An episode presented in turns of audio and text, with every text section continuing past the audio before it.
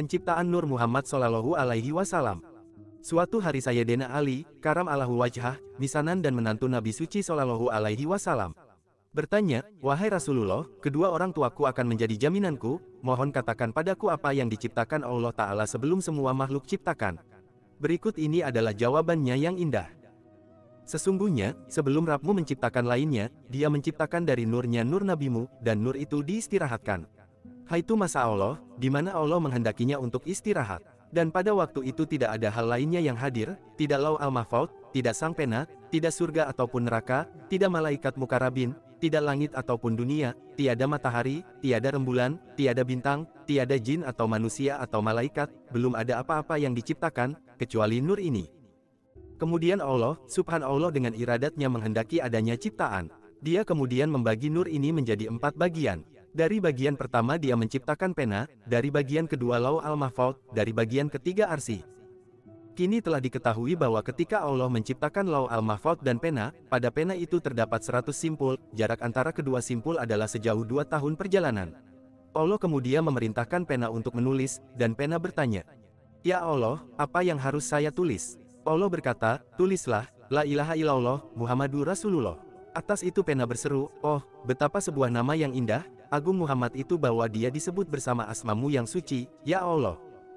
Allah kemudian berkata, Wahai pena, jagalah kelakuanmu. Nama ini adalah nama kekasihku, dari nurnya aku menciptakan arsi dan pena dan lau al-mahfud, kamu juga diciptakan dari nurnya. Jika bukan karena dia, aku tidak akan menciptakan apa pun. Ketika Allah subhanahu wa ta'ala telah mengatakan kalimat tersebut, pena itu terbelah dua karena takutnya akan Allah, dan tempat dari mana kata-katanya tadi keluar menjadi tertutup atau terhalang, sehingga sampai dengan hari ini ujungnya tetap terbelah dua dan tersumbat, sehingga dia tidak menulis, sebagai tanda dari rahasia ilahiyah yang agung. Maka, jangan seorang pun gagal dalam memuliakan dan menghormati Nabi Suci, atau menjadi lalai dalam mengikuti contohnya Nabi yang cemerlang, atau membangkang atau meninggalkan kebiasaan mulia yang diajarkannya kepada kita. Kemudian Allah memerintahkan pena untuk menulis. Apa yang harus saya tulis, ya Allah? Bertanya pena. Kemudian Rab al-Alamin berkata, tulislah semua yang akan terjadi sampai hari pengadilan. Berkata pena, ya Allah, apa yang harus saya mulai? Berkata Allah, kamu harus memulai dengan kata-kata ini. Bismillah al-Rahman al-Rahim. Dengan rasa hormat dan takut yang sempurna, kemudian pena bersiap untuk menulis kata-kata itu pada kitab Law al-Mahfud, dan dia menyelesaikan tulisan itu dalam 700 tahun. Ketika pena telah menulis kata-kata itu, Allah subhanahu wa ta'ala, berbicara dan berkata, telah memakan 700 tahun untuk kamu menulis tiga namaku, nama keagunganku, kasih sayangku dan empatiku. Tiga kata-kata yang penuh barakah ini saya buat sebagai sebuah hadiah bagi umat kekasihku Muhammad. Dengan keagunganku aku berjanji bahwa bila mana abdi mana pun dari umat ini menyebutkan kata bismillah dengan niat yang murni, aku akan menulis 700 tahun pahala yang tak terhitung untuk abdi tadi, dan 700 tahun dosa akan aku hapuskan. Sekarang, bagian keempat dari nur itu aku bagi lagi menjadi empat bagian. Dari bagian pertama aku ciptakan malaikat penyangga sana, hamalat al-petik terbalik arsh. Dari bagian kedua aku telah ciptakan kursi, majelis ilahiyah, langit atas yang menyangga sana ilahiyah, arsh. Dari bagian ketiga aku ciptakan seluruh malaikat langit lainnya. Dan bagian keempat aku bagi lagi menjadi empat bagian. Dari bagian pertama aku membuat semua langit, dari bagian kedua aku membuat bumi-bumi dari bagian ketiga aku membuat jin dan api. Bagian keempat aku bagi lagi menjadi empat bagian dari bagian pertama aku membuat cahaya yang menyoroti muka kaum beriman, dari bagian kedua aku membuat cahaya di dalam jantung mereka, merendamnya dengan ilmu ilahiyah, dari bagian ketiga cahaya bagi lidah mereka yang adalah cahaya tawid. Hu Allahu Ahad. Dan dari bagian keempat aku membuat berbagai cahaya dari ruh Muhammad Sallallahu Alaihi Wasallam. Ruh yang cantik ini diciptakan 360 ribu tahun sebelum penciptaan dunia ini. Dan itu dibentuk sangat cantik dan dibuat dari bahan yang tak terbandingkan. Kepalanya dibuat dari petunjuk, lehernya dibuat dari kerendahan hati. Matanya dari kesederhanaan dan kejujuran, dahinya dari kedekatan kepada Allah. Mulutnya dari kesabaran, lidahnya dari kesungguhan. Pipinya dari cinta dan kehati-hatian. Perutnya dari tirakat terhadap makanan dan hal-hal keduniaan. Kaki dan lututnya dari mengikuti jalan lurus, dan jantungnya yang mulia dipenuhi dengan rahman. Ruh yang penuh kemuliaan ini diajari dengan rahmat dan dilengkapi dengan adab semua kekuatan yang indah. Kepadanya diberikan risalahnya dan kualitas kenabiannya dipasang. Kemudian mahkota kedekatan ilahiyah dipasangkan pada kepalanya yang penuh barokah, masyhur dan tinggi di atas semua lainnya, didekorasi dengan rida ilahiyah dan diberi nama Habibullah, kekasih Allah. Yang murni dan suci. 12 tabir, Bismi sama dengan 7867 plus 8 plus 6 sama dengan 21 Mirror of 21 sama dengan 12 bulan, 12 tahun Rabil awal, 12 suku, 12 menunjukkan penuntasan. Sesudah ini Allah subhanahu wa ta'ala, menciptakan 12 tabir. Yang pertama dari itu adalah tabir kekuatan di dalam mana ruh Nabi Shallallahu petik terbalik alaihi wasallam tinggal selama 12.000 tahun, membaca Subhana Rabil Allah. Maha suci Rabku, Maha tinggi. Yang kedua adalah tabir kebesaran dalam mana dia ditutupi selama 11.000 tahun, berkata, Subhanal Alim Al-Hakim. Maha suci Rabku, Maha tahu, Maha bijak. Dia dipingit selama 10.000 tahun dalam tabir kebaikan, mengucapkan Subhana men huwa daim, layak. Maha suci Rabku yang abadi, yang tidak berakhir. Tabir keempat adalah tabir Rahman, di situ ruh mulia itu tinggal selama 9000 tahun, memuja Allah, berkata, Subhana Rafi, Al-Ala. Maha suci Rabku yang ditinggikan, maha tinggi. Tabir kelima adalah tabir nikmat, dan di situ tinggal selama 8000 tahun, mengagungkan Allah dan berkata, Subhana men huwa kaimun layanam. Maha suci Rabku yang selalu ada, yang tidak tidur. Tabir keenam adalah tabir kemurahan, di mana dia tinggal selama 7000 tahun, memuja, Subhana men huwal ganiyul layafkaru. Maha suci Rabku yang maha kaya, yang tidak pernah menjadi miskin. Kemudian diikuti tabir ketujuh, tabir kedudukan. Di sini ruh tercerahkan itu tinggal selama 6000 tahun, memuja Allah dan berkata, Subhana men huwal halik anur, maha suci Rabku maha pencipta, maha cahaya. Berikutnya, dia menyelimutinya dengan tabir kedelapan, tabir petunjuk di mana dia tinggal selama 5000 tahun, memuja Allah dan berkata, Subhana men lem yazil wala yazal. Maha suci Rabku yang keberadaannya tak pernah berhenti, yang tidak musnah. Kemudian diikuti tabir ke-9, yaitu tabir kenabian di mana dia tinggal selama 4000 tahun, mengagungkan Allah. Subhana mentakarab bil kudrati wal baka, maha suci Rabku yang mengajak dekat dengan maha kuat dan maha langgeng. Kemudian datang tabir keunggulan, tabir ke-10 di mana ruh yang tercerahkan ini tinggal selama 3000 tahun, membaca pepujian untuk pencipta dari semua sebab, berkata, Subhanadil, Arsi, Amaya Sifun. Maha suci Rabku pemilik singgasana di atas semua karakter yang dilekatkan kepadanya. Tabir ke-11 adalah tabir cahaya.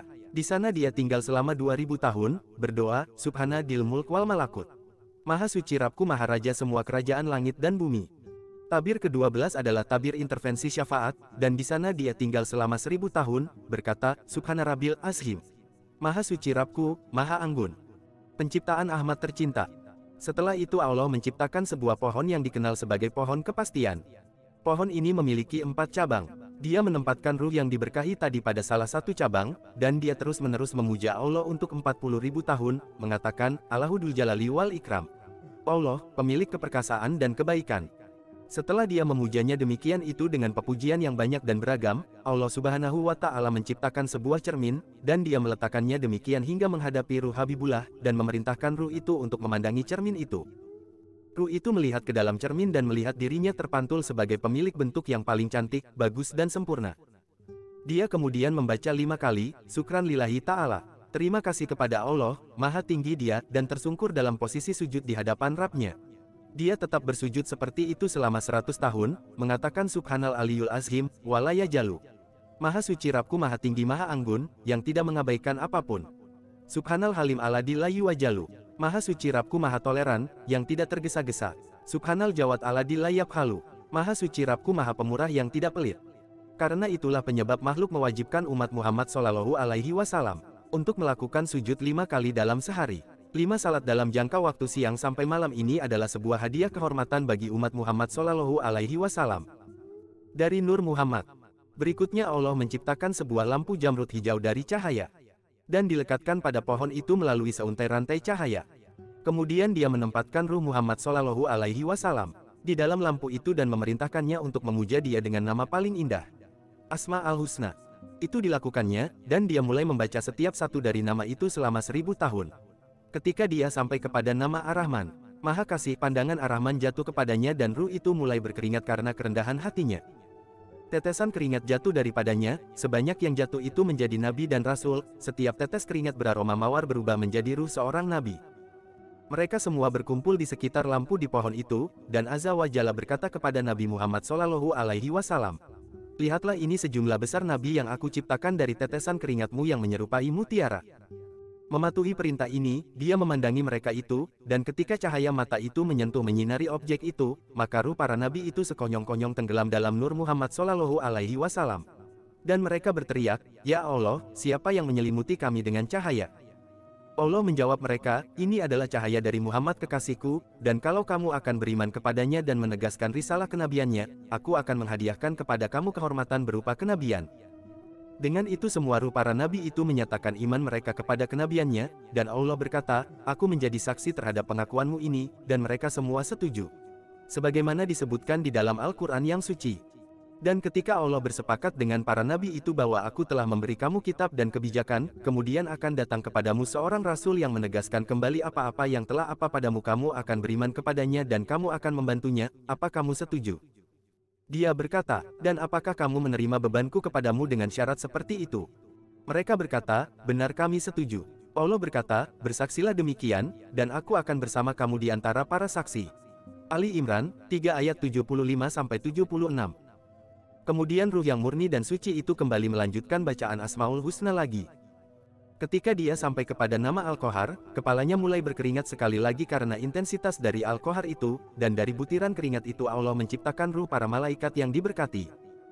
Dari keringat pada mukanya, Allah menciptakan singgasana dan hadirat ilahiyah. Kitab induk dan pena, matahari, rembulan dan bintang-bintang.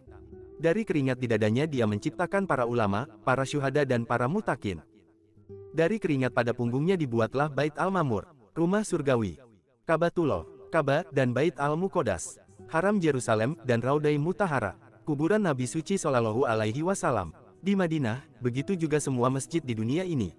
Dari keringat pada alisnya dibuat semua ruh kaum beriman, dan dari keringat punggung bagian bawahnya dibuatlah semua ruh kaum tak beriman, pemuja api dan pemuja patung. Dari keringat di kakinya dibuatlah semua tanah dari timur ke barat, dan semua apa-apa yang berada di dalamnya. Dari setiap tetes keringatlah ruh seorang beriman atau tak beriman dibuatnya. Itulah sebabnya Nabi Suci Shallallahu Alaihi Wasallam disebut juga sebagai Abu Arwah, ayah para ruh. Semua ruh ini berkumpul mengelilingi ruh Muhammad Shallallahu Alaihi Wasallam, berputar mengelilinginya dengan pepujian dan pengagungannya selama seribu tahun. Kemudian Allah memerintahkan para ruh itu untuk memandang ruh Muhammad Shallallahu Alaihi Wasallam. Para ruh mematuhi. Siapa memandang kepada ruh Muhammad Shallallahu Alaihi Wasallam? Nah, di antara mereka yang pandangannya jatuh kepada kepalanya ditakdirkan menjadi raja dan kepala negara di dunia ini. Mereka yang memandang kepada dahinya menjadi pemimpin yang adil. Mereka yang memandang matanya akan menjadi hafiz kalimat Allah, yaitu seorang yang memegangnya ke dalam ingatannya. Mereka yang memandang alisnya akan menjadi pelukis dan artis. Mereka yang memandang telinganya akan menjadi mereka yang menerima peringatan dan nasihat. Mereka yang melihat pipinya yang penuh barakah menjadi pelaksana karya yang bagus dan pantas. Mereka yang melihat mukanya menjadi hakim dan pembuat wewangian, dan mereka yang melihat bibirnya yang penuh barokah menjadi menteri. Barang siapa melihat mulutnya akan menjadi mereka yang banyak berpuasa. Barang siapa yang melihat giginya akan menjadi kelihatan bagus atau cantik, dan siapa yang melihat lidahnya akan menjadi utusan atau duta raja-raja. Barang siapa melihat tenggorokannya yang penuh barokah akan menjadi hatib dan muaddin. Yang mengumandangkan adan, barang siapa memandang janggutnya akan menjadi pejuang di jalan Allah. Barang siapa memandang lengan atasnya akan menjadi seorang pemanah atau pengemudi kapal laut, dan barang siapa melihat lehernya akan menjadi usahawan dan pedagang. Siapa yang melihat tangan kanannya akan menjadi seorang pemimpin, dan siapa yang melihat tangan kirinya akan menjadi seorang pembagi. Yang menguasai timbangan dan mengukur catu kebutuhan hidup. Siapa yang melihat telapak tangannya menjadi seorang yang gemar memberi, siapa yang melihat belakang tangannya akan menjadi kolektor.